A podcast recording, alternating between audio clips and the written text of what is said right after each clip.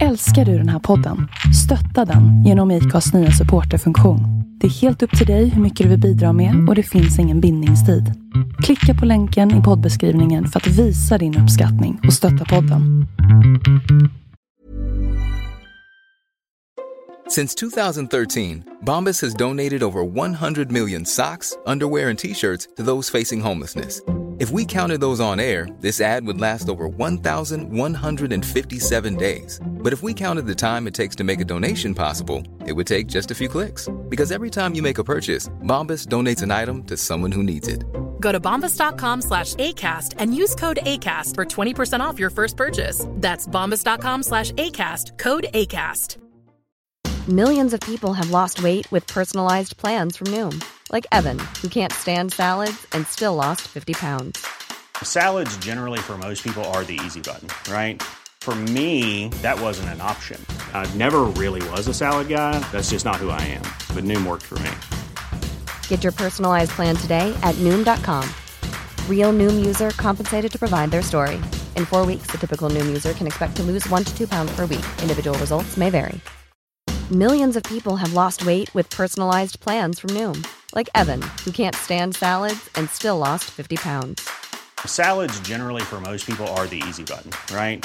For me, that wasn't an option. I never really was a salad guy. That's just not who I am. But Noom worked for me.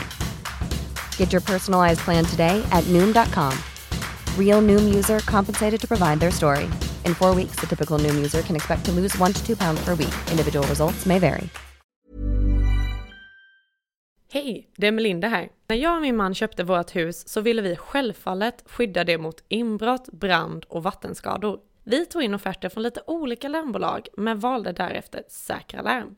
Vi gillade Säkra Larms koncept med att äga sitt larm och slippa de dyra abonnemangsavgifterna. Samtidigt som vi fick det smarta hemmet. Vi rekommenderar varmt en säker, smart och prisvärd larmlösning ifrån Säkra Larm. Besök säkralarm.se du med! Hej och välkomna till denna veckans avsnitt av Sveriges mest tongivande podcast. Och idag, kära lyssnare, så blir det verkligen tongivande på alla sätt.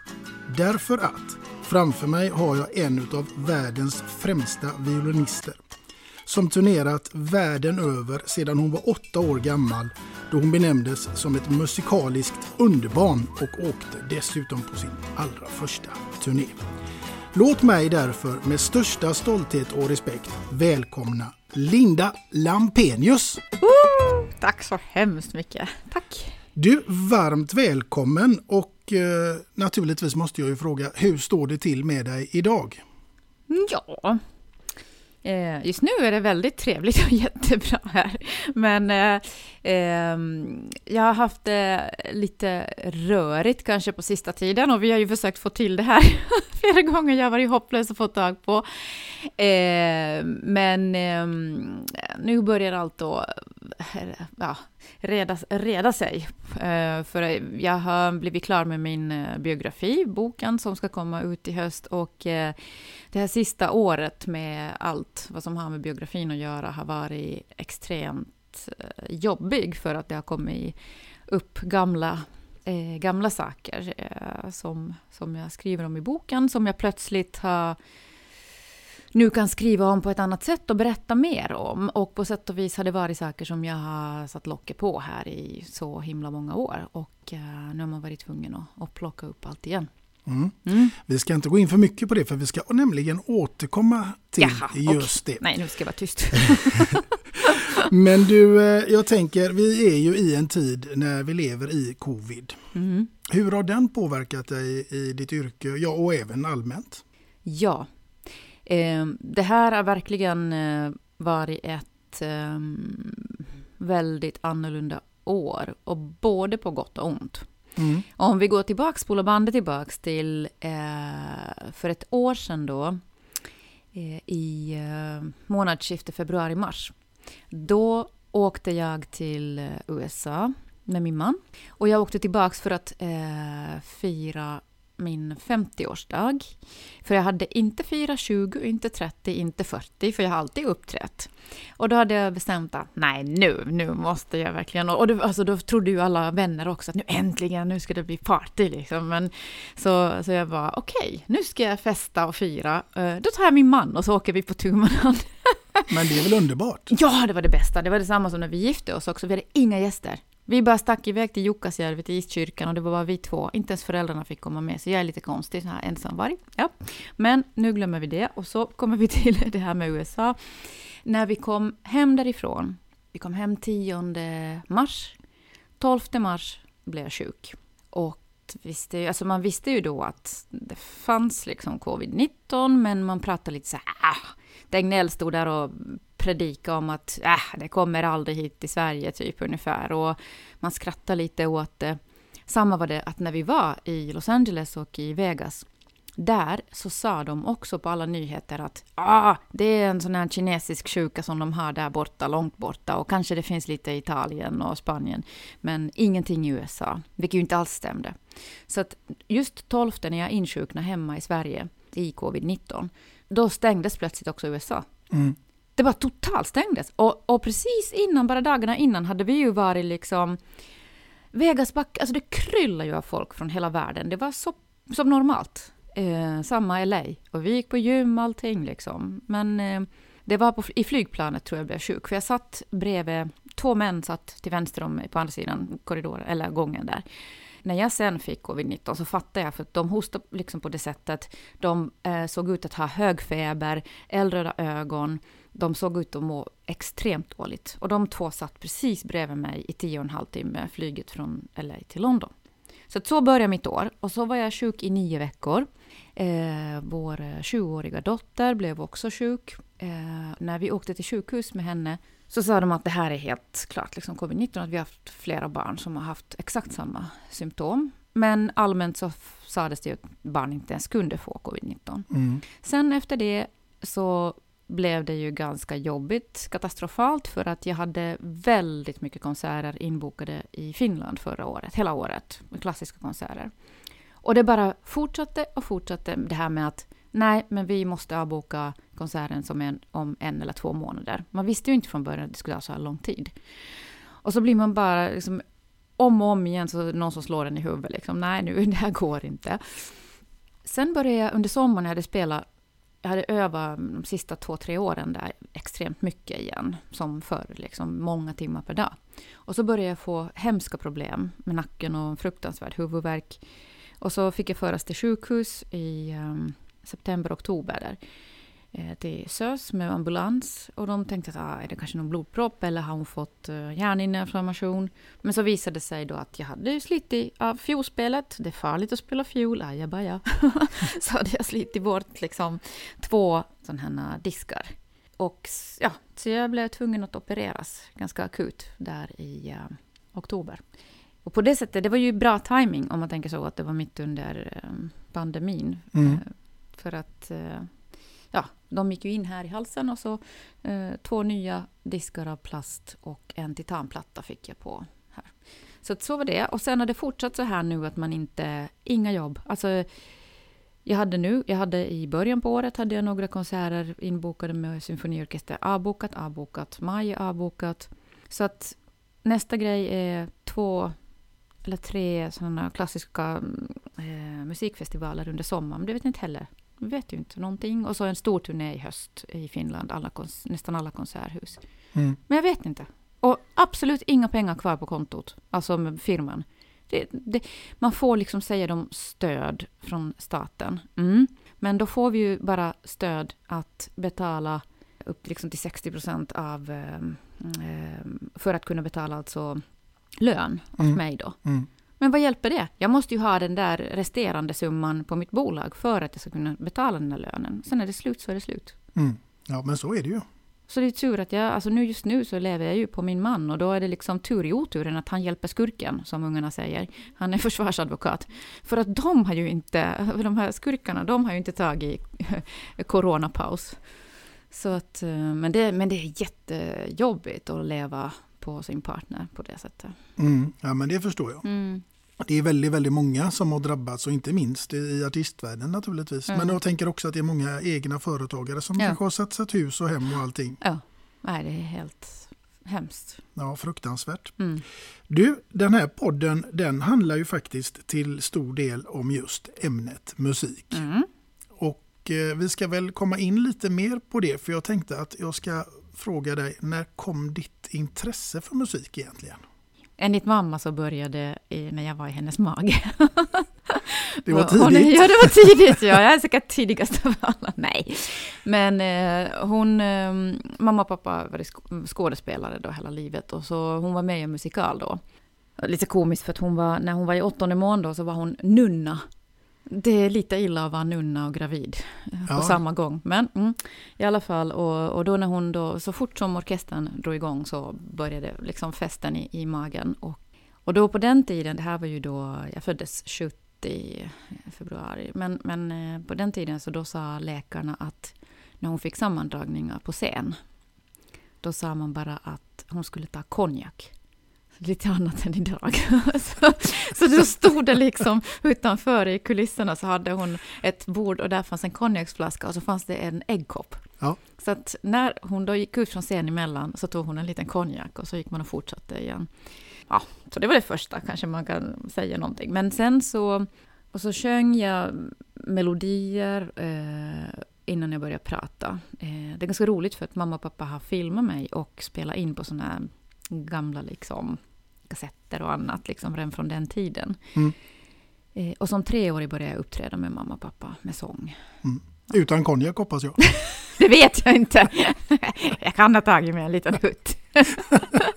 Jag var nog kanske beroende. Ja, vem vet. Vem vet? Det minns jag inte. Nej, men som sagt var, du, du, eh, du fick ju en väldigt tidig start på din karriär. Mm. Du var ju inte mer än åtta år när Mm. du åkte iväg på din första turné. Ja. Mm. Men innan vi kommer in där så tänker jag också att jag måste fråga dig, vilket är ditt absolut första låtminne som du kan härleda till? Alltså typ när du tog eh, hopprepet och stod och sjöng framför en spegel eller något liknande. Ja. Alltså nu, jag kan kanske inte säga specifikt vilken låt, men jag vet att jag hade... Det var liksom innan jag kom in riktigt fullständigt i det här eh, klassiska, där man inte, alltså enligt läraren fick man inte lyssna på annan musik än klassisk musik, eller det var inte bra. Men sen gjorde man ju det i smyg ändå. Men det var ju då i början på 70-talet och jag hade ABBA, sen var det Baccara,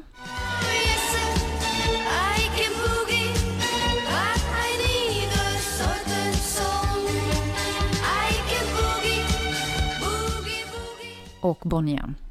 Riktiga klassiker Ja, allihop. du ser. Så det var, det var de liksom som jag...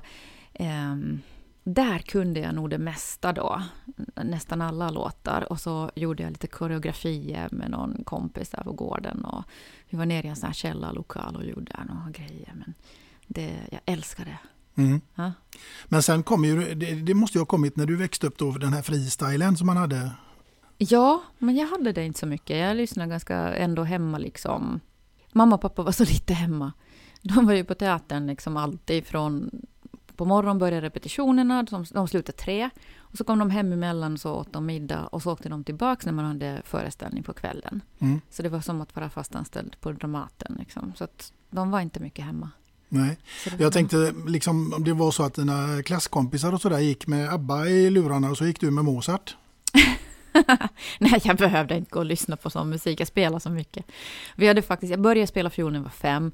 Och när jag var åtta år, sju, sju år, um, sju, åtta där, så blev jag antagen till en, um, en ungdomsorkester, The Helsinki Junior Strings, som eh, räknades som en av alltså, världens bästa ungdomsorkestrar. Men det betydde ju att man måste öva helt sinnessjukt mycket. Och, eh, och som sagt, då när jag var åtta så åkte jag på första turnén med dem. Och den gick till USA, runt USA och så var vi i Kanada också. Inför turnén så hade man då på sommaren såna här olika liksom, läger, Mm. mm. träningsläger efter varandra, som det är i fotboll också. allting. Och då så tränade vi sex timmar per dag. Oj, Och då var jag åtta år. det är mycket det. Det var jättemycket för mig. Det var jättemycket för mig. Ja. Per dag också. Per dag, ja. Jajamän. Var det fem dagar i veckan? Ja, det var ju mer. Man kan ju inte vara utan att öva en enda dag. Det går ju inte. Herregud. Ja, sånt är det. Du vet, jag har aldrig haft ett eh, sommarlov på riktigt. Alltså under hela min skoltid. Någonsin. Jag Det är vet, så? Jag vet inte. Liksom, du vet, jag har upplevt sommarloven nu med våra ungar. Och jag är så här lite i panik för att jag känner att mm, kanske det var för tufft på ett sätt, eller så här för hårt, det som jag har gått igenom, för det var extrem träning liksom. Och vi skulle vara bara på topp i världen, för vi åkte ju efter det varje år på, till olika länder runt världen. Men, eh, men sen har jag ju också velat kanske att mina egna barn skulle göra något liknande, men inte så extremt. Men det är så svårt. Sen de, de har blivit så här väldigt, hur ska jag säga, förlåt, men svenska. Mm. att, ehm, att allt är lite mer så här på skoj, liksom deras um, fritidsintressen och de har riktiga sommarlov. Jag vet inte, kanske, kanske de blir bättre än jag. Ja. Nej, det tror jag i och för sig inte. Du, eh, när blev du egentligen Linda Lampenius med hela svenska folket? Ja, och världen för övrigt. Alltså, kändisskap i sig eh, är bara elände. Och eh, allt som kommer med det är liksom att folk granskar en konstant och att man, man inte liksom har längre sitt egna liv. Man måste hela tiden leva upp till någonting som alla andra förväntar sig liksom att man ska vara. Eh, och det är tragiskt att faktiskt att, att idag att så många unga vill bli kända. För det finns ingenting. Om det inte, och sen dessutom om det inte finns substans eller det inte finns någon riktig talang bakom. Alltså jag menar en talang med, no, med något att man blir känd för att man gör någonting istället för att man bara går in och blir en influencer för att visa upp smink eller kläder. Då kommer man inte... Det, det är väldigt kortsiktigt. Mm. Och man kommer bli väldigt olycklig när det plötsligt tar slut, för det tar slut. Ja, det Och då, alltid. kommer, och då kommer det någon annan istället. Men, eh, så 96 blev jag då ett sånt namn i Finland. De som kommer ihåg också, det fanns ju inte internet på den tiden. Eh, och när man blev känd i ett litet land, då vill ju alla tidningar skriva om en liksom konstant. Eh, så att jag hade ibland var det så att under en månad kunde jag ha 15 olika omslag på olika tidningar. Och det var jättejobbigt. För att det kom så plötsligt i mitt liv. Och då hade jag... Jag var 26 år gammal när det började. Och jag hade spelat konserter sen jag var åtta och turnerat. Alltså jag hade gjort tusentals konserter än. Och bara för att jag blev anlitad och blev modell för Björn Borg. Och i och med den grejen så fick jag också den här frågan att kan inte du göra någon poplåt? Eftersom Vanessa May från England, eller asiatisk engelska flickan, gjorde det. Och så gjorde jag det. Då plötsligt liksom eh, kommer det massa folk som kommer härifrån och därifrån och alla kommer liksom att jag har uppfunnit Linda Lampenius, det är jag som har gjort henne och bla bla bla. Alldeles som man bara ska kunna liksom plocka någon tjej från gatan och sätta en fiol under halsen liksom och börja spela fiol här nu och så gör vi dig till en kändis. Det, det, var, det var jätte, jättejobbigt. Mm. Och så då, då 97, då började jag göra de här Björn Borg-jobben i Sverige och i England. Så att det var då egentligen som jag kom ju, jag blev ju liksom känd i Sverige. Jag kommer ihåg, det var helt sinnessjukt för att det här 97, när jag kom och gjorde de här modevisningarna i Stockholm och Göteborg.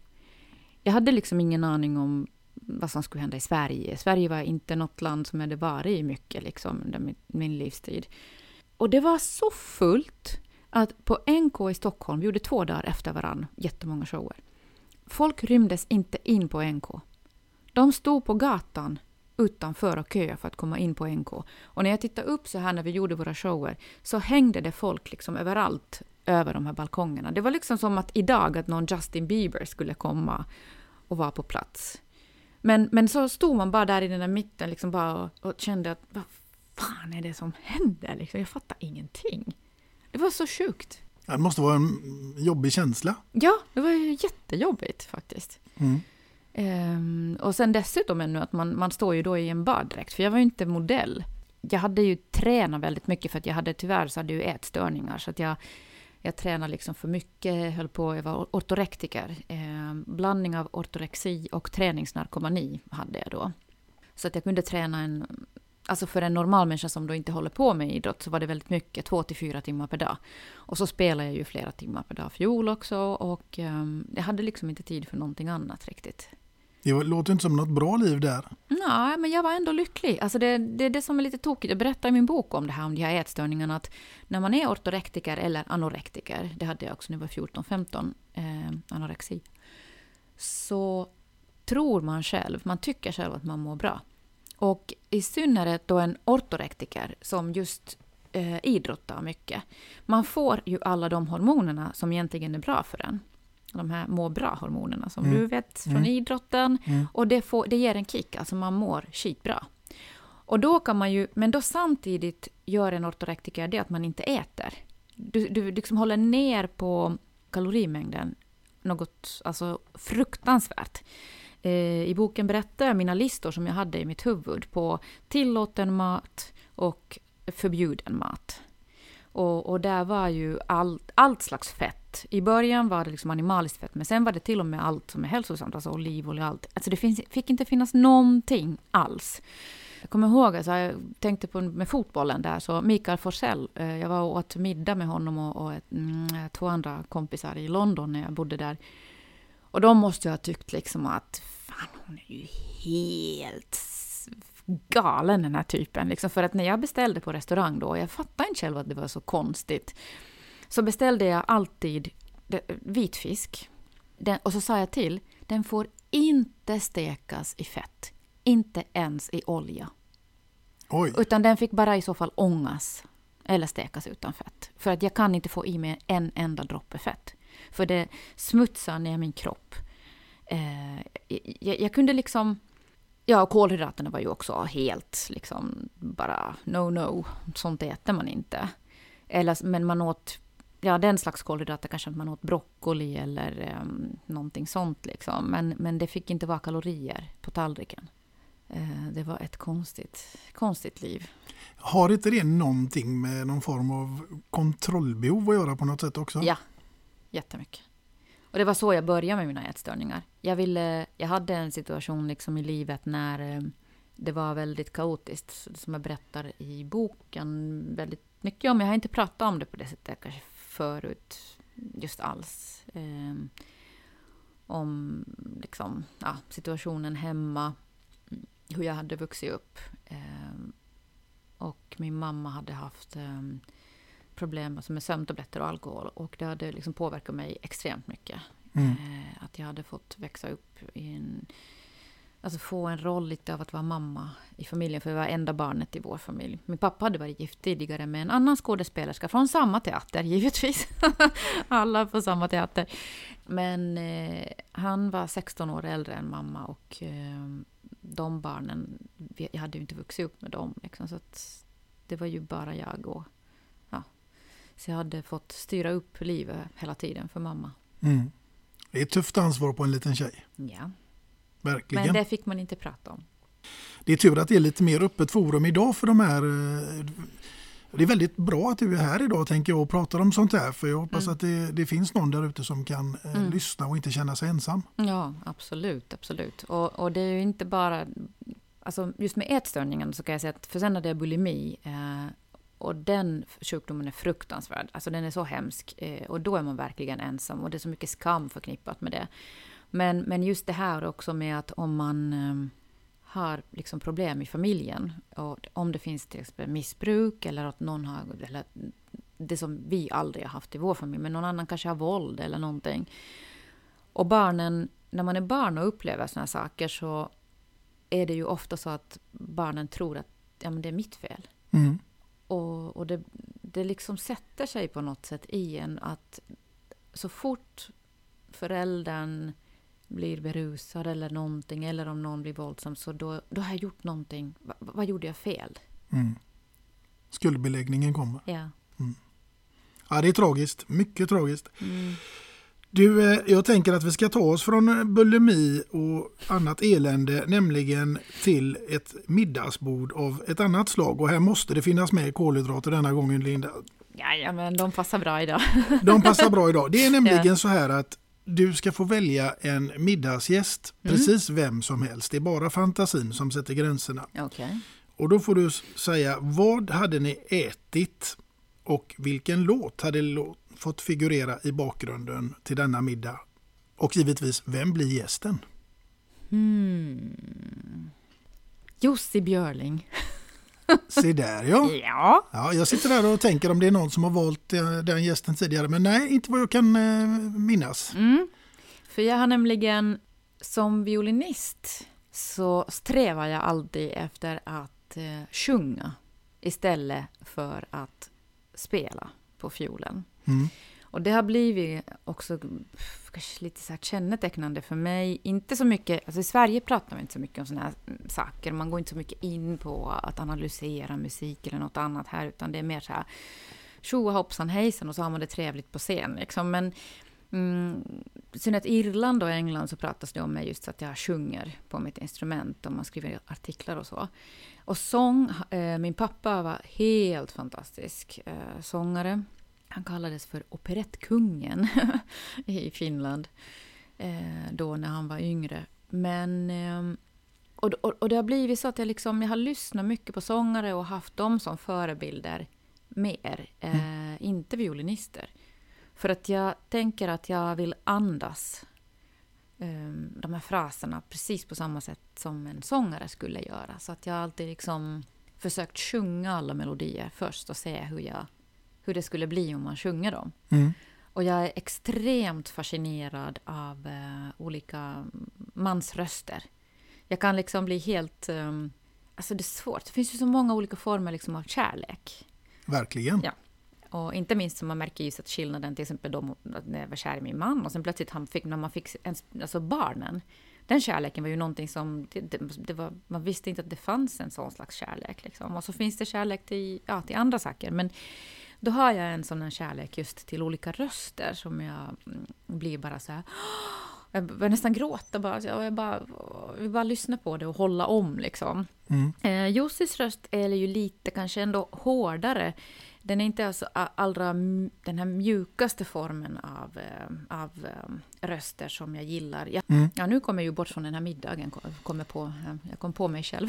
Kvinnligt. Om man ska säga så. Nej, men då går vi tillbaka. Ja, Jussi. Så att jag skulle vilja liksom... Jag vet, jag vet nämligen att han också gjorde så här grejer att han masserade sina söners halsar.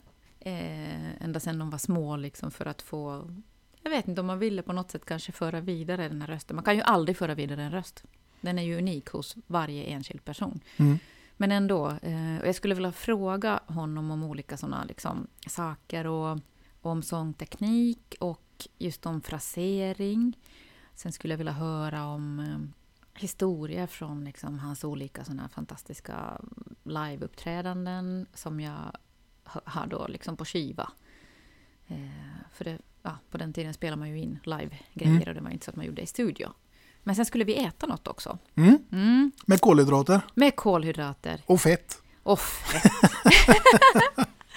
Oj, nu, nu är jag inte så Jussi-expert att jag skulle veta vad han gillar, för det är ju det viktigaste. Att det, om jag har honom som gäst, liksom, då måste det ju vara något som han tycker om. Men man, man skulle ju tycka på något sätt att, att de här männen på den tiden att de skulle gärna ha suttit med en väldigt god köttbit och du vet något så här och kanske potatisgratäng, mycket fett, mycket grädde. Eh, och några huttar, supar hit och dit kanske till det. Mm. Vad var det mer jag skulle välja? Det var låt också, vi skulle lyssna på något. Ja, en mm. låt som ligger där i bakgrunden. Mm. Hmm. Nu blev det ju jättejobbigt, för jag kunde, varför valde jag en sångare av den kalibern? För de kan då, jag tror inte att de tycker om om man skulle köra någon annan sångare. Ja, men det får han ta denna musik. gången. Mm, Okej, okay. om det är så att det inte skulle vara hans musik då, eh, då i det sällskapet skulle jag ändå hålla mig till, till klassiskt, mm. till opera, tror jag. Och i så fall skulle jag välja, eh, då skulle det få vara en annan tenor med en mjuk röst igen, som jag älskar. Mm. Och då skulle Placido Domingo få sjunga. Och då skulle jag ta från Tosca-operan några arior i bakgrunden under middagen.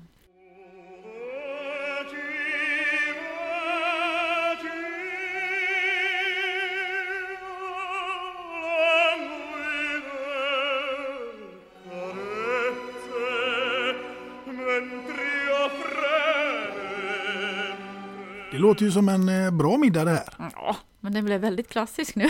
ja, Du kanske rent av hade fått en liten halsmassage också. Ja, man vet inte. Herregud. Ja. Jo, men alltså när jag gjorde en research på dig här idag så tänkte jag herregud. Det finns ju precis hur mycket som helst. Jag blev jätteglad. Jag tänkte undra om hon blir lika glad. Men vi får väl testa tänker jag. Ja. Eh, vi är ju nästan i samma tidsera. Du är några år yngre. Men Ja. nu tänker jag. Jag säger Baywatch. Vad säger du då? Mm, vad säger jag?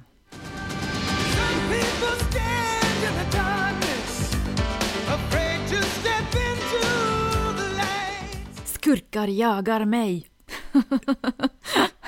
ja. jag var med där och blev jagad av, eh, av eh, skurk-bodyguards eh, och annat. Jag, hö, jag hölls ju eh, fången liksom på en, på en sån här fin båt till havs. Och eh, jag hade varit faktiskt, jag skulle vara med i Baywatch mycket mer.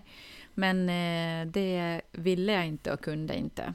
Eh, eftersom jag spelar fiol. För det tar så himla mycket tid, inspelningarna. Man skulle ju vara liksom klar för att sminkas varje morgon vid sex. Mm. Och sen kan de sluta precis när som helst på kvällen.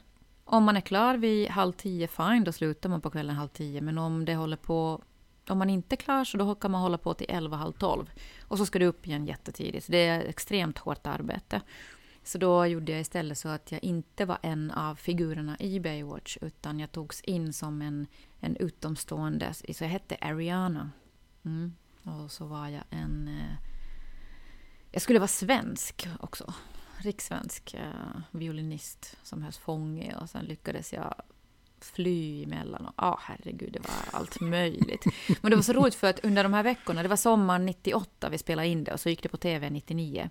Eh, så hade jag mamma med mig i LA. Och det var, ja, alltså, det var så roligt. Och, eh, både mamma och jag, vi bodde på Playboy Mansion.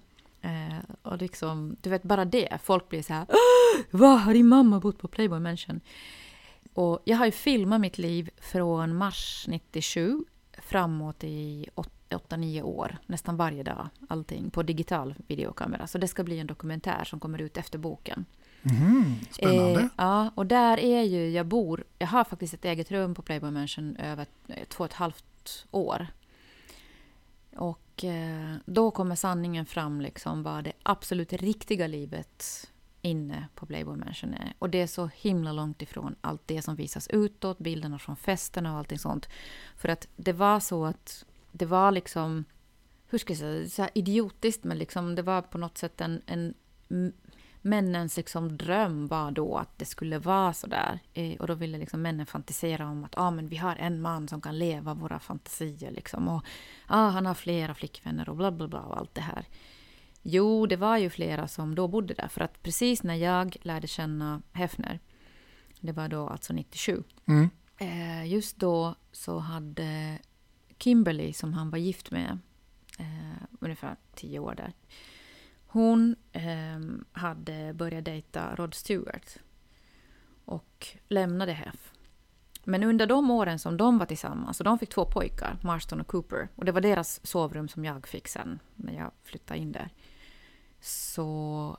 Eh, alltså det var absolut ingen annan. Alltså han var så dökär i henne. Det var liksom... Det var verkligen bara, bara hon.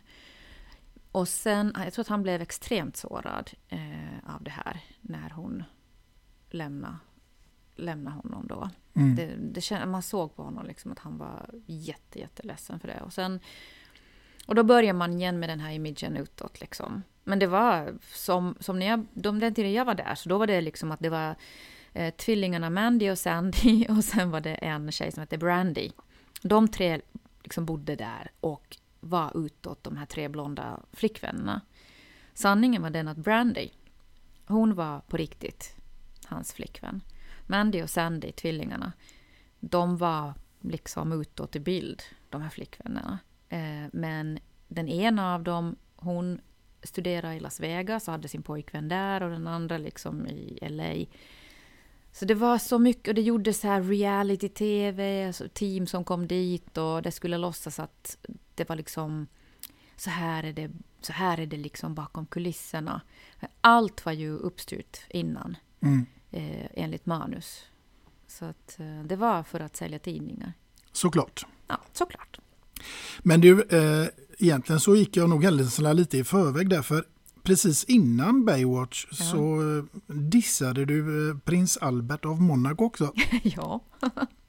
Ja, eller dissa och dissa, men äh, jag betedde mig fruktansvärt dåligt. Det var sån här grej som man skäms efteråt. Det var bara ung och dum. Det var så att jag hade, jag hade bokats till, ehm, till, till deras palats. Alltså då fanns ju först Reinier levde ju fortfarande, så försten och sen då prins Albert hade en sån här, eh, någon slags välgörenhetsmiddag i palatset på innergården. Eh, och då var jag bokad dit för att då uppträda tillsammans med en flöjtist och så var det en orkester från La Scala-operan som var där för att ackompanjera oss.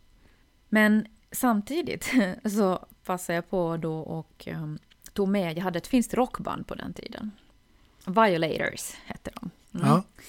Så de var med där, så att en kväll, alltså kvällen innan jag skulle vara på palatset, så uppträdde jag med Violators på en fest som var på um, Sporting, Sporting Club, heter det. Eh, och det är ett ställe där man delar ut World Music Awards varje år. Mm.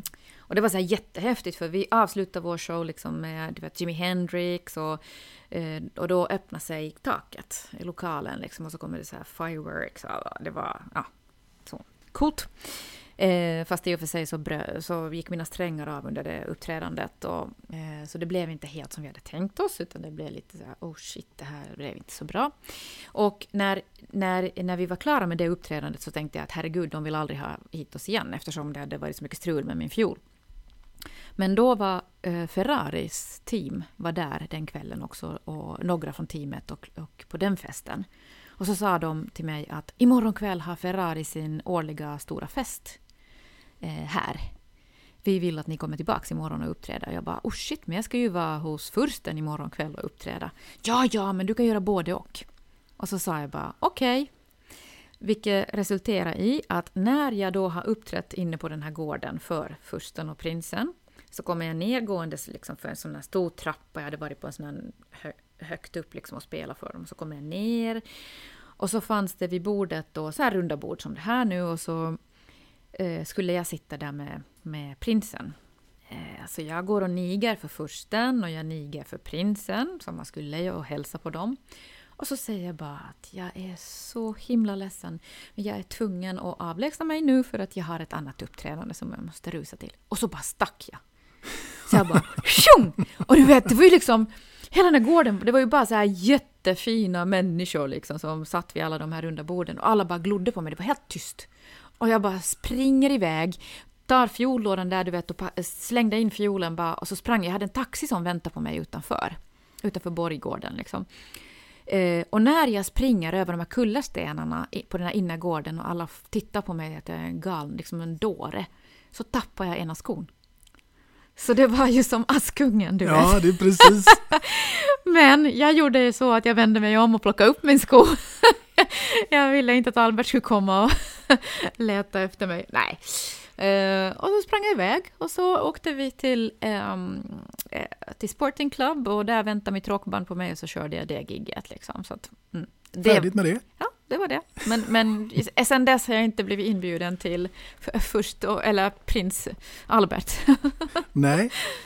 Du, och vi ska ta oss ifrån den här resan nu så ska vi ta oss till en öde ö. Mm, oj. Mm. Ja, där det finns ingen prins. Nej, det är bra det. Men däremot så ska du få välja en enda platta som du får ha med dig till den här öde ön. Men vad du har svåra frågor.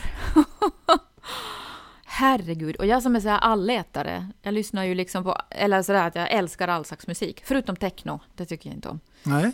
Nej. Så det blir ingen technoplatta i alla fall. Nej. Och inte någon så här, ja, inte, inte den typs musik, men... ehm, Ja, det gäller ju att välja med omsorg om du nu ska ha en platta på en öde ö. Liksom. Hur länge, det beror på, hur länge ska jag vara där? Ja, vi säger ett år. Åh herregud. Hoppsan hejsan. Um, alltså du vet, det skulle kunna vara liksom allt från uh, Bee Gees, Ja, då blir man på gott humör. ja. Det beror ju på liksom vad man behöver för pepp. Eller ska man liksom ha något... ehm, Nej, vi kör Bee Gees. Ja, best of. Ja, best of.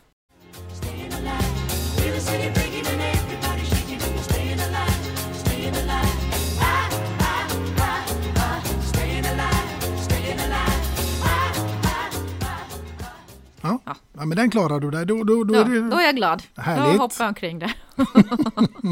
I falsett liksom. Ja. Du, eh, vi ser här nu på tiden att vi börjar faktiskt att närma oss även ditt första låtval. Jag har inte fått dina låtval så jag har ingen aning om vad det är du har valt. Men Nej. du hade ju fått i uppdrag att välja ut två låtar tills idag. Um, den första låten, um, det här är egentligen en ganska sorglig historia bakom. Eh, men det är Anita Heg Hegeland sjöng eh, Jag ska måla hela världen lilla mamma. Och eh, jag har valt den för att den sången var väldigt viktig. Den betydde mycket för mig när jag var barn. Och som vi pratade om här innan, att jag började uppträda med sångaren som treåring. Och då hade jag en viss repertoar som jag alltid sjöng. Och då fanns den här sången med där, bland de sångerna. Och publiken tyckte ju bara att, för det var så här vackra låtar och det var Mitt sommarlov var ju också den här Anita Hegelands sång, liksom. den sjöng jag också. Eh, men man visste liksom inte egentligen vad jag sjöng om. Alltså det var mina egna känslor. Hur jag hela tiden liksom ville rädda mamma hemma, men det visste ju ingen. Utan jag bara log Mm. och sjöng sådär trevligt. Um, och det, ja, alltså det börjar ju... Mamma, är du ledsen? Varför ler du ej? Vill du jag ska måla någonting åt dig? Många vackra färger har jag ännu kvar. Gråt ej lilla mamma, allt ska bli så bra. Och sen då, jag ska måla hela världen lilla mamma. Full av solsken varje dag, just för att mamma var så ledsen. Mm. Hon var ofta liksom deprimerad. Um, ja, det, den är fantastiskt fin. Eh, den här texten. Och önska lilla mamma, önska vad du vill. Färgerna är många och de räcker till. Himlens alla stjärnor, sagans alla slott. Allting kan jag måla, mamma, önska blott. Och så igen.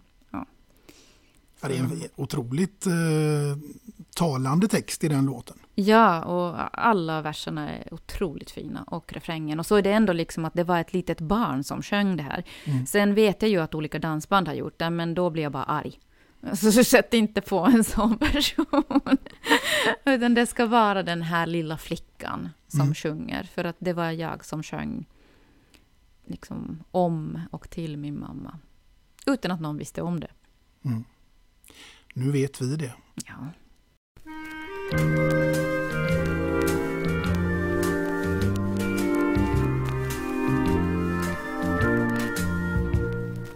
Mamma, är du ledsen? Varför ler du ej? Vill du jag ska måla någonting åt dig? Många vackra färger har jag ska bli så bra. Jag ska måla hela världen, lilla mamma. Full av solsken varje dag.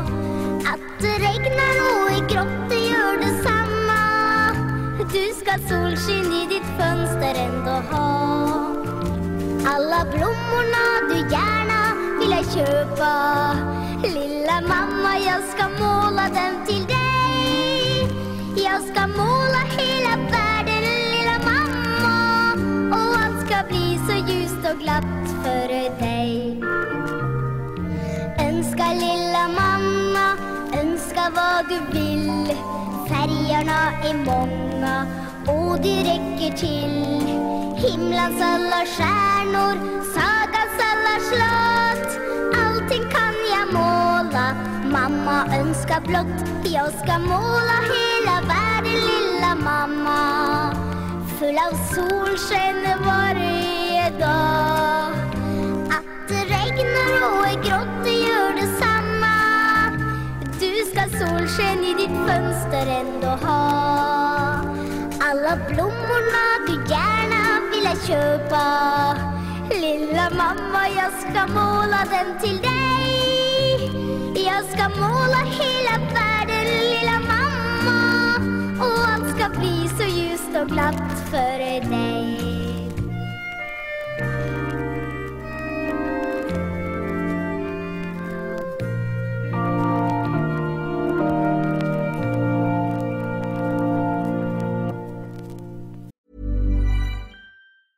This Mother's Day, celebrate the extraordinary women in your life with a heartfelt gift from Blue Nile. Whether it's for your mom, a mother figure, or yourself as a mom, find that perfect piece to express your love and appreciation. Explore Blue Nile's exquisite pearls and mesmerizing gemstones that she's sure to love. Enjoy fast shipping options like guaranteed free shipping and returns. Make this Mother's Day unforgettable with a piece from Blue Nile. Right now, get up to 50% off at BlueNile.com. That's BlueNile.com. There's never been a faster or easier way to start your weight loss journey than with PlushCare. PlushCare accepts most insurance plans and gives you online access to board-certified physicians who can prescribe FDA-approved weight loss medications like Wigovi and Zepbound for those who qualify. Take charge of your health and speak with a board-certified physician about a weight loss plan that's right for you. Get started today at plushcare.com slash weight loss. That's plushcare.com slash weight loss. plushcare.com slash weight loss. Since 2013, Bombas has donated over 100 million socks, underwear, and t-shirts to those facing homelessness. If we counted those on air, this ad would last over 1,157 days. But if we counted the time it takes to make a donation possible, it would take just a few clicks. Because every time you make a purchase, Bombas donates an item to someone who needs it. Go to bombas.com slash ACAST and use code ACAST for 20% off your first purchase. That's bombas.com slash ACAST, code ACAST. Millions of people have lost weight with personalized plans from Noom, like Evan, who can't stand salads and still lost 50 pounds. Salads, generally, for most people, are the easy button, right? For me, that wasn't an option. I never really was a salad guy. That's just not who I am. But Noom worked for me. Get your personalized plan today at Noom.com. Real Noom user compensated to provide their story. In four weeks, the typical Noom user can expect to lose one to two pounds per week. Individual results may vary. Hey, it's Paige DeSorbo from Giggly Squad. High quality fashion without the price tag. Say hello to Quince. I'm snagging high-end essentials like cozy cashmere sweaters, sleek leather jackets, fine jewelry, and so much more. With Quince being 50 to 80% less than similar brands. And they partner with factories that prioritize safe, ethical, and responsible manufacturing. I love that. Luxury quality within reach. Go to quince.com slash style to get free shipping and 365 day returns on your next order. Quince.com slash style. Ja du Linda, när jag ser dina ögon nu efter vi har kört den här låten så vill man bara gå fram och krama dig. För jag ser att den här berör dig. Ja, det är faktiskt, jag brukar, um, nu i synnerhet när jag skriver på boken, så har jag spelat den um, hemma. Och då, ja det behövs inte liksom många meningar av, av um, sången eller många toner så brukar jag börja gråta. Mm. Mm. Ja, det kan jag förstå. Faktiskt. För jag, det, det har varit liksom, det har varit så... Det är väldigt jobbigt när det är... När man förstår liksom just att, att sådana här saker, att, och vissa, att man är beroende av något, att det är liksom en sjukdom och att människor inte egentligen vill och när de inte kommer loss. Mm.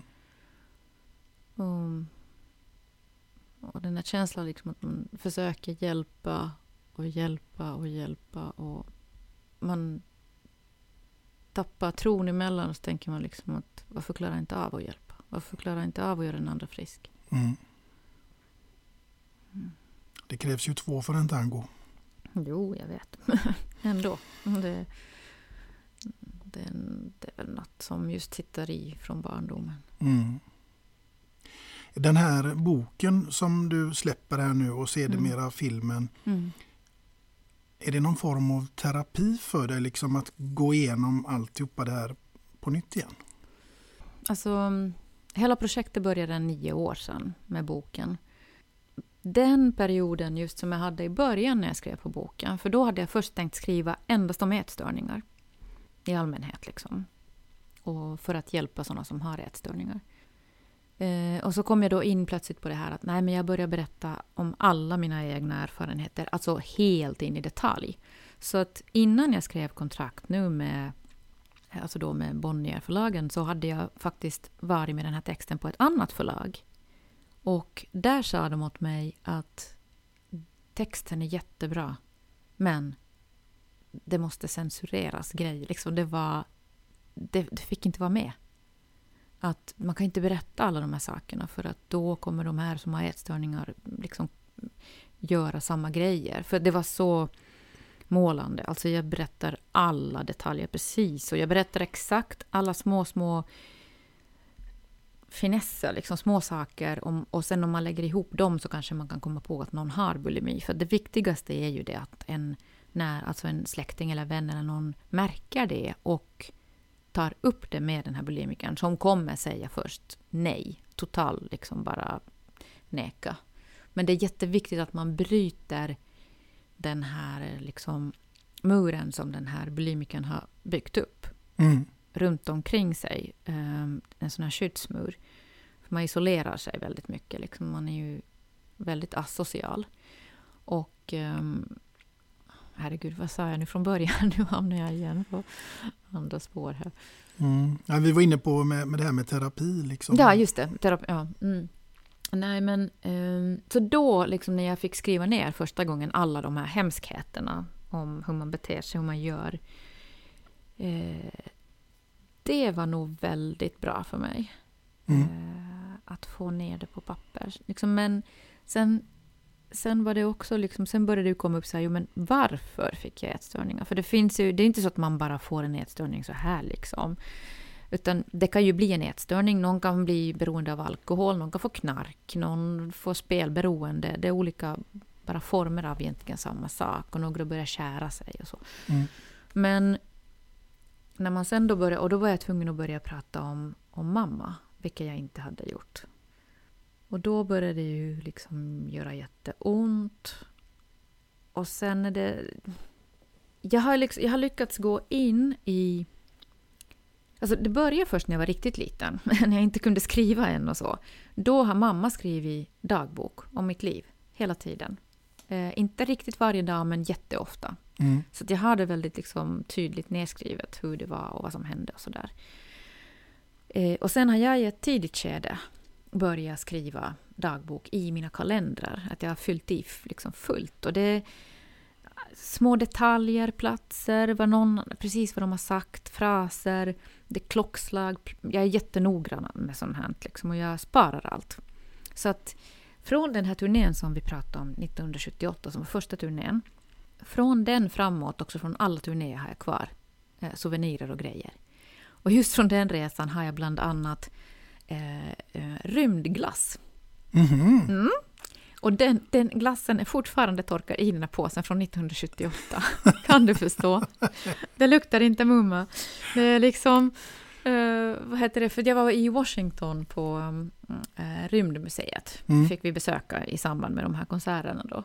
Och då köpte jag så här uh, rymdglass. Ja, just det. Ja, det var så här liksom frystorkad eller något konstigt sånt här, du vet. Och så när du skulle sätta den då i munnen, jag testade ju den då, jag testar inte den nu. men, men så var det jag kommer ihåg, det var väl vanilj, jordgubb och päron tre olika färger. Liksom. Mm. Och så satt man det i munnen så, blev det, så började det så här bzzz, liksom porla så där konstigt i munnen och sen blev det som en sån här, alltså, som gräddig gegga i munnen liksom som var varm. Ja, det var äckligt. Alltså det var så äckligt. Men, för att komma till saken då. Jag har allt kvar. Och just alla de här dagböckerna och allt som jag skrivit. Sen från att jag kom in i eh, allt det här med business, jag hade ju från Björn Borg, sen kom jag ut med en egen alkoholdryck, en egen cider också i Finland, som sålde helt enorma mängder. Liksom jag sålde, tror jag, tio, över 10 miljoner flaskor på bara liksom ett par år. Det var helt sjukt. Um, och det var ju alltså litet land och Eh, på den tiden var ju cider något helt nytt. Mm. Man drack ju bara liksom starksprit och öl. Det fanns ju inte ens vin på det sättet. Eh, men från det har jag också alla tomflaskor kvar från den sidan. eh, och alla fax, alla mina kontrakt finns kvar. Alla brev som jag har fått, alla visitkort som jag någonsin har fått. Förr var det ju bara visitkort, nu liksom skickar man ju på ett annat sätt via telefonen. Men det fanns inte mobiltelefoner, det fanns inte mm, internet. Och nu har jag ett helt förråd fullt, som är helt fullt med bara lådor med alla de här sakerna. Och allt det här, och artiklar. jag har flera tusen artiklar om mig själv, från sparade, från, eh, som min mamma och min eh, bästa kompis liksom har sparat åt mig. Och sen har jag då fått alltså från USA, Italien, England, Irland, eh, Asien. Så de är samlade. Och de är allt det materialet har jag använt nu för att skriva boken. Mm. Så det är extremt mycket detaljer. Det är en väldigt tjock och lång bok. Men det har varit jättesvårt just eftersom jag har så mycket. Och, men, men det att jag har haft det här och jag ser liksom min handstil. Jag minns exakt var jag har suttit när jag skrivit vissa saker. Liksom. Så har jag kunnat gå tillbaka till alla de här liksom stunderna. Mm. Och på riktigt vara där och känna dem.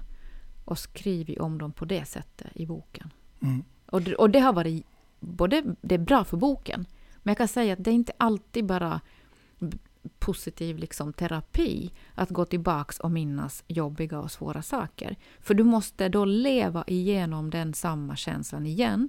Och det är inte roligt. Det är ingenting som man önskar någon. Det är vidrigt. Mm. Ja, och som sagt var när jag läste om det här så, så du var ju lite besatt med munkavel ett tag kan man säga. Så frågan är, kan jag du skriva? Jag är fortfarande. Du är fortfarande det? Alltså jag har ett påskrivet papper med honom. Han som krävde 40 miljoner dollar av mig. Ja. Mm. Men nu är det så att han... Eh, det som hände förra året också nu under det här coronaåret var ju att det plötsligt kom fram... Och det var, först var det, jag kommer inte ihåg om det var sju eller tio kvinnor som eh, stämde eh, Peter Nygaard heter han. Ja, just det. Som var, eh, för det första var han ju ägare i managementbolaget som jag hade signat med i USA. Och jag hade blivit lurad på det sättet att signa med. För att för mig berättades när jag åkte dit i början på 97 att, den här, att det här managementbolaget var liksom ett av de hetaste i Kalifornien och att min manager Michael Reynolds var otroligt eftertraktad och en av de bästa. Samtidigt hade jag i Finland en... Eh, alltså jag var förlovad då och eh, han var både fy, det var fysiskt och psykiskt våld då i förhållandet. Och han bröt mitt finger. Så att det är bara ett under att jag kunde fortsätta min karriär. Så jag ville bara bort från det. Och vi skulle gifta oss och det var allt möjligt. Liksom, så jag ville bara fly. Så att när jag fick den här möjligheten plötsligt att jag kunde flytta till USA så bara tog jag det. Och skrev på liksom två veckor efter att jag hade träffat de här managerna.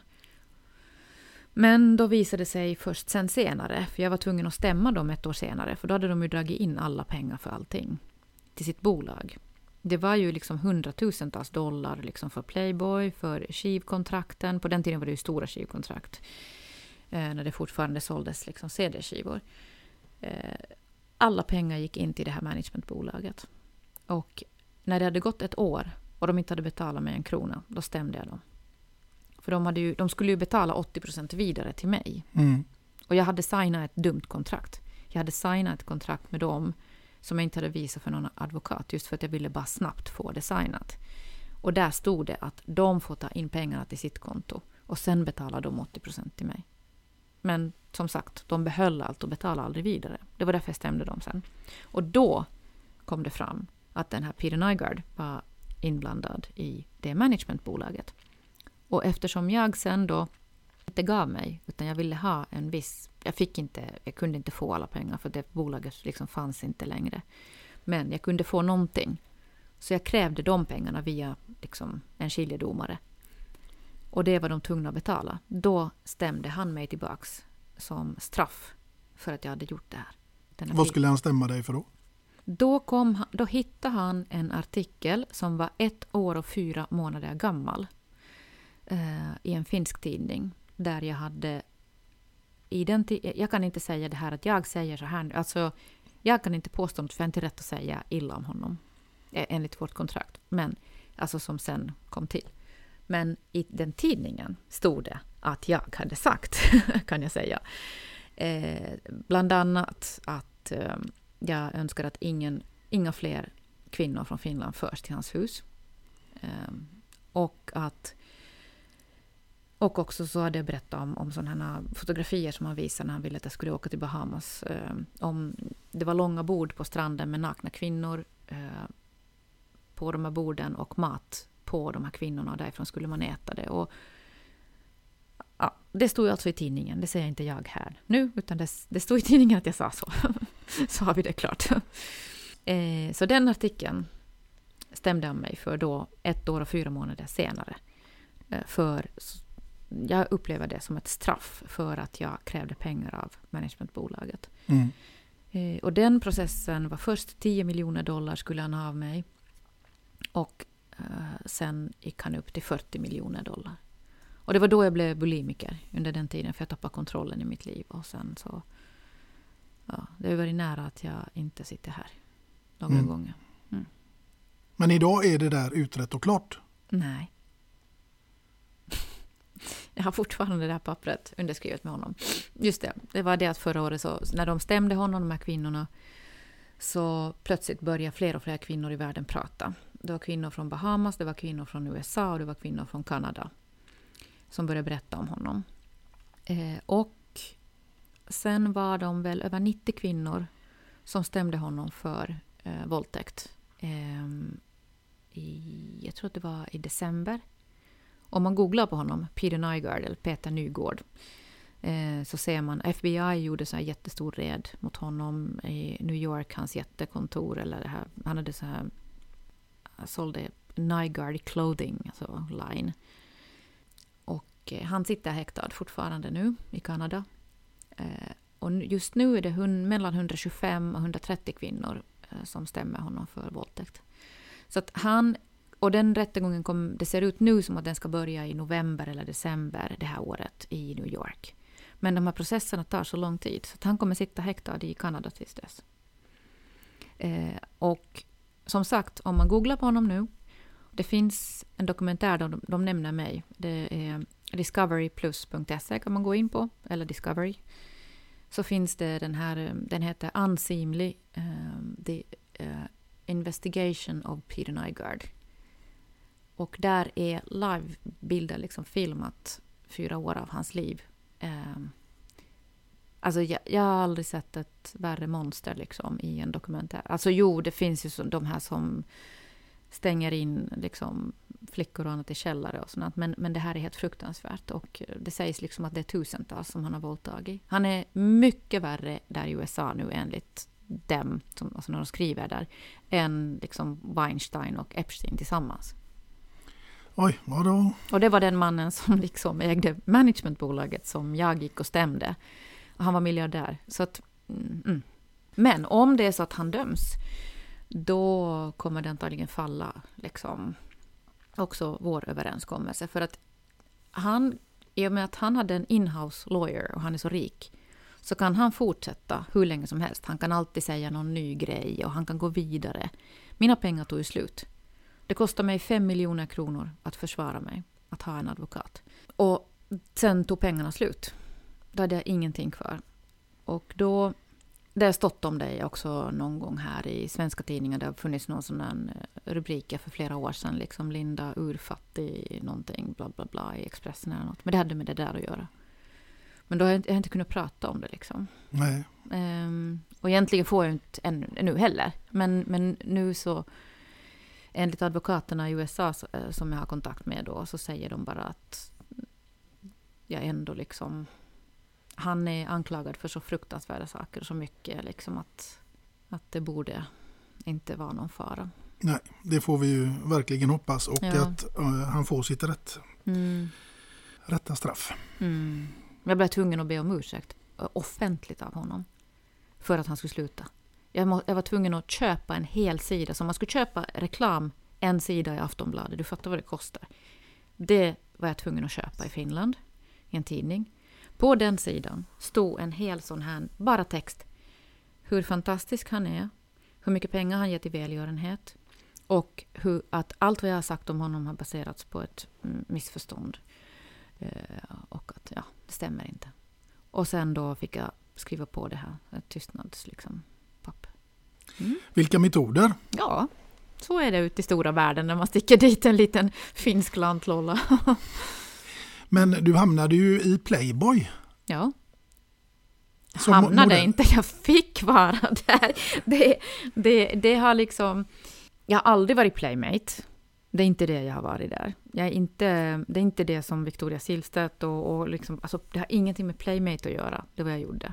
Utan jag hade en deal som hette Celebrity Deal. Och så var jag dessutom på en som hette Music Issue. Ehm, Kiss var året efter mig eh, på det omslaget. Det är ett, ett nummer per år. Och ehm, då snackar vi just hundratusentals dollar ehm, för dem. Och då har du, alltså, när man har en celebrity deal så har du till exempel ja, från tidigare Kim Basinger, ehm, Naomi Campbell, ehm, eh, vad heter hon nu som, Sharon Stone. Alltså det var jättekända skådespelerskor och um, toppmodeller. Och sen artister, Janet Jackson och sådana som fick det här Celebrity Deal. Det är det jag har gjort. Men det får man, kan man väl ändå vara stolt över? Nej men det var det jag sa. Det var inte att jag hamnade där, utan Nej. jag är verkligen, jag är jättehedrad. Mm. Så att eh, när folk är sådär liksom, åh gud liksom, Playboy. Ja, jag hade inte gjort en play, alltså sån här playmate-grej. Eh, Även om, om jag ju, som jag sa, jag har ju levt där på Playboy Mansion, jag har sett hur livet är på riktigt där. Alltså det är fem miljarder gånger värre på alla hemmafester här i Sverige, bland ungdomar, kan jag säga, än vad det är på dem, vad det var där. Det tror jag säkert. Och min mamma har varit med på de festerna, så att hon kan intyga. Jag till och med filmat det. Det är bra. Mm. Du, du finns på film också i en helt annan fest som gick här på TV4. Mm. Eh, Den kallas väl för Let's Dance om jag inte minns fel. Ja. Och nu är det nämligen så att du ska befinna dig i final i Let's Dance. Och Okej. jag vill veta med vem hade du dansat och till vilken låt? Hmm. Och med vem jag hade dansat, men då ska det vara alltså, ska det vara någon av dansarna i Nej, programmet? vem som helst. Återigen, bara fantasin. Okej. Men då befinner jag mig ändå i finalen. Ja, Ja. Och då måste jag ju vinna. ja, Så då är jag inne där för att tävla. ja. Då kan inte jag välja bara vem som helst som är trevlig, som inte vet hur man ska föra sina fötter. Nej. Nej. Då skulle jag antagligen med Dermot. Mm. Skulle jag ha med mig där. Ja. Mm. Och vilken låt hade ni dansat till då? Då... Vi säger Dirty Dancing med Dermot.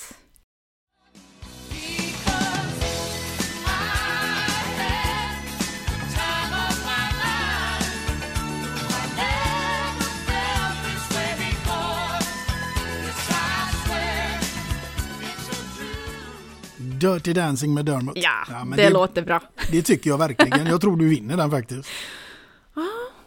Annars går det ju inte att sova efter det om man inte vinner. Nej. Men du, eh, i samband med det här så måste jag ju nästan säga då att då får man ju hoppas att eh, byxorna inte börjar glida ner. Ja, herregud. Hur visste du det? det var på Hamburgerbörs. Mm. Det var nog säkert jobbigaste situationen jag har haft på scenen. Vi hade genrep på eh, för Fantastics, en show som vi gjorde 2003 på Hamburger Börs. Och på det genrepet så satt det ju folk redan i, eh, i salen då. Och så kommer jag fram där vi hade Lars Wallins jättecoola kläder till den här showen. Och eh, så hade jag så här väldigt låga eh, och pösiga, liksom, lite harembyxor. Men det var så snabba byten, för man, vi bytte kläder hela tiden i showen. Så att eh, då hade de liksom, de var fästa bara med cardboardband. Fast det såg ut som att det var spännen och grejer. sådär. Och så har jag vita högklackade stövlar till de här vita byxorna, magen bar och sen någon sån här vit topp och en vit hatt på och en vit fiol, en elfiol. Och så ska jag vara så jäkla kaxig liksom och kommer och spelar någon så här funk liksom. Och går rakt ut mot publiken. Och så har jag två killar då från Cirkus Cirkör som håller på eh, med och jonglerar eh, med sådana här fioler, som de vita fioler liksom bakom mig. Och sen nästan framme där, så bara plötsligt, jag står och spelar, så känner jag bara Nej! Jag hör, jag hör det lilla, det där Liksom. Och då hade jag, vi hade inte fäst den här cardboardbandet riktigt ordentligt allting utan det var bara så här halva liksom. Och det släppte. Och så ramlar mina byxor ner liksom. Och jag bara står, jag kan ju inte, alltså jag har stråken i höger hand och, och fiolen i vänster hand. Vad gör man då? Nej, det går inte att dra upp byxorna utan då står man bara helt coolt liksom och så står jag där i mina små trosor liksom och så hör jag, orkestern är ju bakom oss liksom på Hamburgerbörs uppe på scenen och så hör jag bara när de börjar spela fel. bara klonk, klonk, slog liksom lite hit och dit liksom och skrattade så inåt helsike. Liksom. Jag står ju där med rumpan bara nästan mot dem liksom i några stringtrosor. Eh, och, och, men då rusade som tur de här vad heter det, Cirkus Cirkör-artisterna fram till mig snabbt liksom, för de hade hattar också. Och den ena sätter liksom hatten framför och den andra bakom och så började de liksom så här snyggt att dra upp byxorna så att folk trodde att det var på riktigt tror jag. Att det hörde till, för jag hade fortsatt att spela hela tiden. Det ingick cool. i numret liksom? Ja, jag var bara cool. Men herregud efteråt, och vad de skrattade och de retade mig. Mm, det är sånt som kan hända när det är live. Det är sånt som kan hända. Ja. Jo, och nu blir det så här. Från det att dina byxor åkte av dig snabbt så ska vi gå till fem snabba frågor. Mm -hmm. Där man bara väljer ett alternativ. Okej. Okay. Och då lyder första så här. Är du beredd? Ja, jag är beredd. Falukorv och Koskenkorva med Babben Larsson eller Glenn Hussein? Babben Larsson och eh, falukorv och Koskenkorva. Det låter som en bra kombo. Absolut, det lät helt fantastiskt. Ja. Inga tvivel. Härligt. Mm. Du, då går vi vidare och då blir det risbastu eller risgrynsgröt? Risbastu. Mm, där var det heller inga tveksamheter på. Nej, stryk ska man ha. Ja. Sen blir det Mozart eller Magnus Uggla i hörlurarna. Oj! Nej, nu blir det svårt igen för nu blir det musik. Eh, vet du, jag har spelat så mycket Mozart så jag säger Magnus Uggla för att jag älskar honom. Mm. Mm.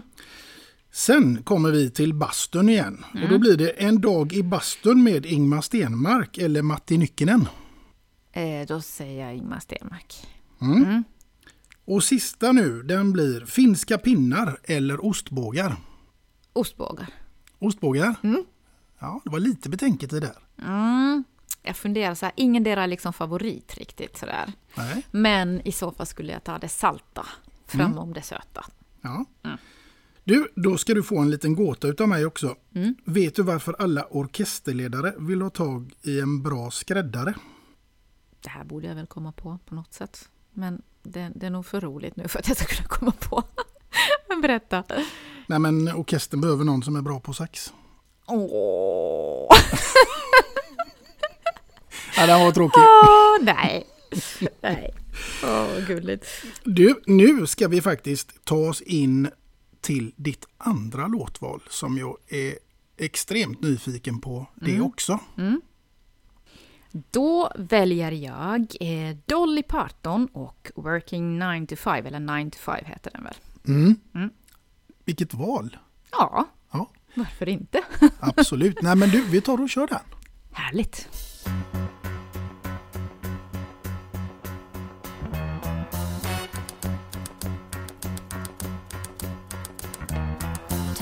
Of bed and I stumble to the kitchen. Pour myself a cup of ambition and yawn and stretch and try to come to life.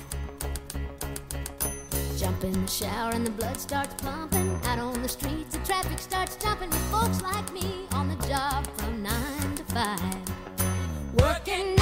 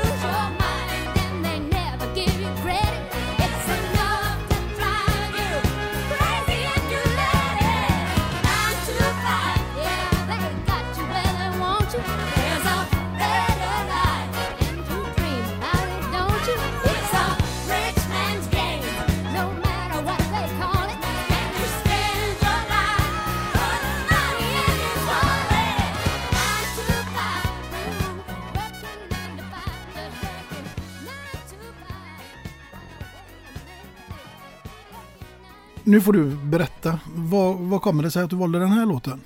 Ja, det kan jag i och för sig nästan lista ut, men jag låter dig berätta det. Ja, alltså för det första så är hon är en så otroligt cool eh, kvinna. Eh, så fruktansvärt begåvad. Eh, alltså den skatten, liksom alla de låtarna som hon har skrivit är ju helt sinnessjuk. Och då är det inte liksom bara till henne själv utan åt alla andra artister som hon har gjort. Eh, och hon är, en, hon är jättehäftig, hennes röst också. Och sen då på allt sätt, liksom hela hennes karriär och eh, hennes liv. Liksom. Det är ja, en, en väldigt stark, häftig kvinna. Verkligen. Ja. Och sen just den här eh, 95 är... Det, det är ju en sån här, alltså, jag tänker direkt på, på mig själv, just det här att man, man jobbar hårt och man har liksom sina, ja, 95. Mm. det har jag gjort sedan jag var liten. Mm. Och nu tänker jag att du ska få leva dig in i ett scenario när du går hemma. Du är ensam hemma. Mm. Du går och städar. Mm. Radion är på. Mm. Och helt plötsligt så kommer det en låt på den som du bara tänker nej, inte en chans. Den åker av radion här nu. Mm. Vad blir det för låt? Vad som helst som är techno. Vad som helst med techno? Ja, nej fy då. Då är det då rusar jag fram och bara blir tokig. Alltså det känns, när det är technomusik för mig, eller house, så känns det som att någon står och bankar mig i huvudet just med den liksom bara monotona liksom du, du, du, du. Alltså jag blir fullständigt flippar, alltså tokig. Ja, nej det, det låter inget vidare. Nej, då vill man inte gå omkring hemma och mysa. nej. Men du, innan vi rundar av här så känner mm. jag att du ska du var sommarpratare i radio i Finland. Ja. Mm. Berätta. Mm, eh, ja, det var några år sedan och nu blev jag tillfrågad den här sommaren igen.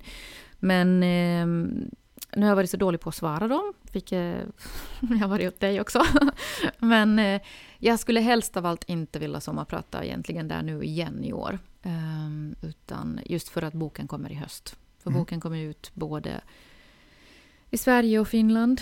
Eh, den, eh, vad blir det nu? Jag tror det var någonting 23 september. Så att det skulle vara bättre att sommarprata nästa sommar, nästa år. Och då skulle jag faktiskt skulle ju jättegärna vilja sommarprata i Sverige också eftersom jag har gjort det redan i Finland. Mm. Ja, det hade jag sett fram emot att få höra dig sommarprata här i Sverige. Ja. Eh, framtiden, hur ser den ut? Du har ju som sagt var din biografi på gång. När kommer den? Det, det är då i höst, 23 tror jag, september som den ges ut. Mm. Eh, och, eh, och då är det både Finland och Sverige. Och sen eh, håller man på nu och jobbar med dokumentären med allt det här materialet, inspelade filmerna som finns från mitt liv. Eh, så den kommer sen efter det. Och eh, den ska göras på engelska, svenska och finska. Så tanken är ju att den, det finns nämligen intresse från andra länder liksom och England och USA och så mm. för den här dokumentären. Och just när jag har allt det här färdigt, alltså inspelade materialet från liksom 90-talet och början på 2000-talet. Och på den tiden var det ingen som filmade. Nej. Så jag, jag fick en sån där tanke liksom plötsligt när jag åkte till USA då i mars 97. Liksom jag först, ja, att jag vill filma mitt, det, min upplevelse där så att jag har det. Just för att pappa hade filmat mig med en gammaldags kamera när jag var mindre. Och så blev det på något sätt så att man blev liksom fast i det. Precis som man, då fanns det som sagt inte mobiltelefoner. Och på samma sätt som idag, folk är liksom fast i mobiltelefoner. Man tar selfies och bilder och man filmar och håller på. Så jag var väl lite likadan då, men jag hade den här videokameran med mig i handen liksom, konstant. Mm. Vad är livskvalitet för Linda Lampenius idag? Oj, det är det här med familjen och naturen att göra. Och mm. liksom lugn och ro, tystnad, inga människor, inga gäster. Inga sms? nej, men det, det, kan man, det kan man väl hålla på med, liksom med telefon kanske. Men, men det... Jag vet inte, alltså jag träffar så fruktansvärt mycket folk genom alla genom åren och jobbet att jag är ganska folkskygg så här privat. Eh, just som jag sa till som bröllopet, det var bara, du vet, jag hade precis, jag hade varit nio veckor på turné i USA Eh, då när vi skulle gifta oss. Eller jag kom hem från turnén, samma dag som jag kommer från USA till Sverige började Let's Dance med mm, eh, den här tillställningen som är på Grand Hotel när de berättar vem som ska tävla. Och så dagen efter började vi träna. Och jag ville ju träna extra hårt för att jag är liksom lite brickad. Så att det blev så himla mycket. Och så tränade vi en månad. Och efter det så var jag med i eh, två månader i programmet. Så det var liksom nio veckor i USA, tre månader Let's Dance. Och då kände jag bara, jag klarar inte av inte en enda människa runt mig. Och du vet, det var bara att jag vill bara vara med Martin för det här är vår stora dag. Jag vill inte sitta på ett bröllop, jag hatar bröllop. Alltså jag, jag tycker inte om bröllop. För alltså, att tänka sig att jag ska sitta där och ha min lyckligaste dag förutom när man sen får barn. Men, och det enda jag skulle göra är att jag funderar hela tiden på, har gästerna det bra? Tycker de att maten är okej? Okay? Är det tillräckligt bra? Är det gott? Har vi satt dem rätt? Tycker de att det är okej okay att sitta bredvid den där personen? Tänk om de mår dåligt nu? Det är det enda jag skulle tänka på, det mitt bröllop. Nej tack. Så är det. Nej tack. Nej tack. Rakt och bestämt. Ja, och sen har jag en turné i höst om eh, bara uh, Gud uh, ger lov nu och coronagudarna. Eh, så jag har nu några konserter. I maj är det två bokade men de blir antagligen inte av. Och så har jag då som sagt på sommaren någonting i Finland inbokat. Och sen den här stora turnén i konserthus i höst i Finland. Det är det som är bokat nu. Vi får ju se. Man vet ingenting med den här coronan. Så är det. Mm. Du, nu tänker jag att jag ska fråga dig, hur är du i köket? Eh, helt så här, medioker. Mm. Inte något jättebra. Och i synnerhet när jag har en man som är jätteduktig i kök, så då känner jag mig ibland ganska urusel. Mm. Mm. Vad har du för morgonrutiner? Um... Är det kaffe? Te? Ja, det är kaffe och antingen gröt eller mackor och lite ägg. Eh, någon frukt. Och sen det mesta som morgonen går ut på att bara kolla att ungarna, barnen får i sig mm. och, och, fixar. Och ska man båda två ha jättelånga hår och så ska man hålla på och borsta dem och så ska man, det är mera sådana morgonrutiner. Och sen om det är så att min man har rättegångar annanstans, som nu har han ganska många dagar så är han borta i Örebro, så då måste jag ut med hunden och så. Ja. Mm. Det är nämligen så här att jag tänkte att jag ska bidra med någonting till ditt kök. Aha. Men jag tänker inte komma hem och laga någon mat, det tror jag inte att du vill. Eh, men däremot så ska jag bidra med en kaffemugg eller en temugg för den delen med två låtar och en kändis och där du får ditt namn ingraverat och den ska jag skicka till dig. Oj! Precis som alla de andra gästerna har fått här tidigare. Härligt! Så den hoppas jag att du behåller som ett kärt minne från ja. denna stund. Mm, tack så hemskt mycket. Tack! Vet, jag har med mig en sån här Alltså, det här gör man ingenting med, för att man, spel, man har inte CD-spelare hemma. Men jag funderar så här, det är lite som att förr som jag sa, när jag fick visitkort av folk och jag sparade dem. Mm. så då tog jag min, min, vänta, min julskiva. Åh, och du har ingen nytta av det för man spelar inte CD-skivor. Men den här blir ju antik snart för att ingen har CD-skivor med. Jag måste bara skriva på den sen. Ja, det ska du få ja. göra, absolut. Mm. Men tack så hemskt ja, mycket. Här är Kalle Moreus med och här är Sofia Källgren och här är den här Fredrik Lycke som jag har pratat om. Sveriges bästa manliga sångare tycker jag. Mm. Eh, och här är Nils Landgren eh, och eh, Ulf Akenius, en jättekänd gitarrist. Och sen är här en stråkkvartett från Göteborgs filharmoniker och en kör och en harpist från Frankrike. Det är mycket på denna. Härligt! Ja. Den ska vi lyssna på när vi kommer Sen. hem om inte annat. ja, inte, inte jul nu. Nej, det kan man väl lyssna på ändå. Ja, jag vet inte. Jag vet inte, jag är inte säker på att jag fått ner alla julgrejer än så det kanske funkar. Oj då. ja, men så är det när man ja. lever själv. Ja. Du, ehm, en riktigt, riktigt stor ära att ha dig med. Tack så hemskt mycket och tack för ditt tålamod. Det har tagit lång tid att det här kom, blev så här nu. Det var värt varenda minut, tack. så får vi säga. Mm. Jag önskar dig ett stort lycka till i framtiden med allt du nu förtar dig. Och eh, till er lyssnare så säger jag som vanligt att jag hoppas självklart att ni finns med oss i nästa veckas avsnitt av Sveriges mest tongivande podcast. Och vem som sitter framför mig då, ja, det återstår att se. Men innan vi slutar detta avsnittet så vill jag naturligtvis påminna er om att ni ska köpa Lindas bok Klassisk rebell som släpps här inom kort. Och vi ska naturligtvis också låta denna fantastiska artist få avsluta detta avsnitt med låten Aisling med Linda Lampenius. Ha det gott där ute hörni. Hej då! Hej då!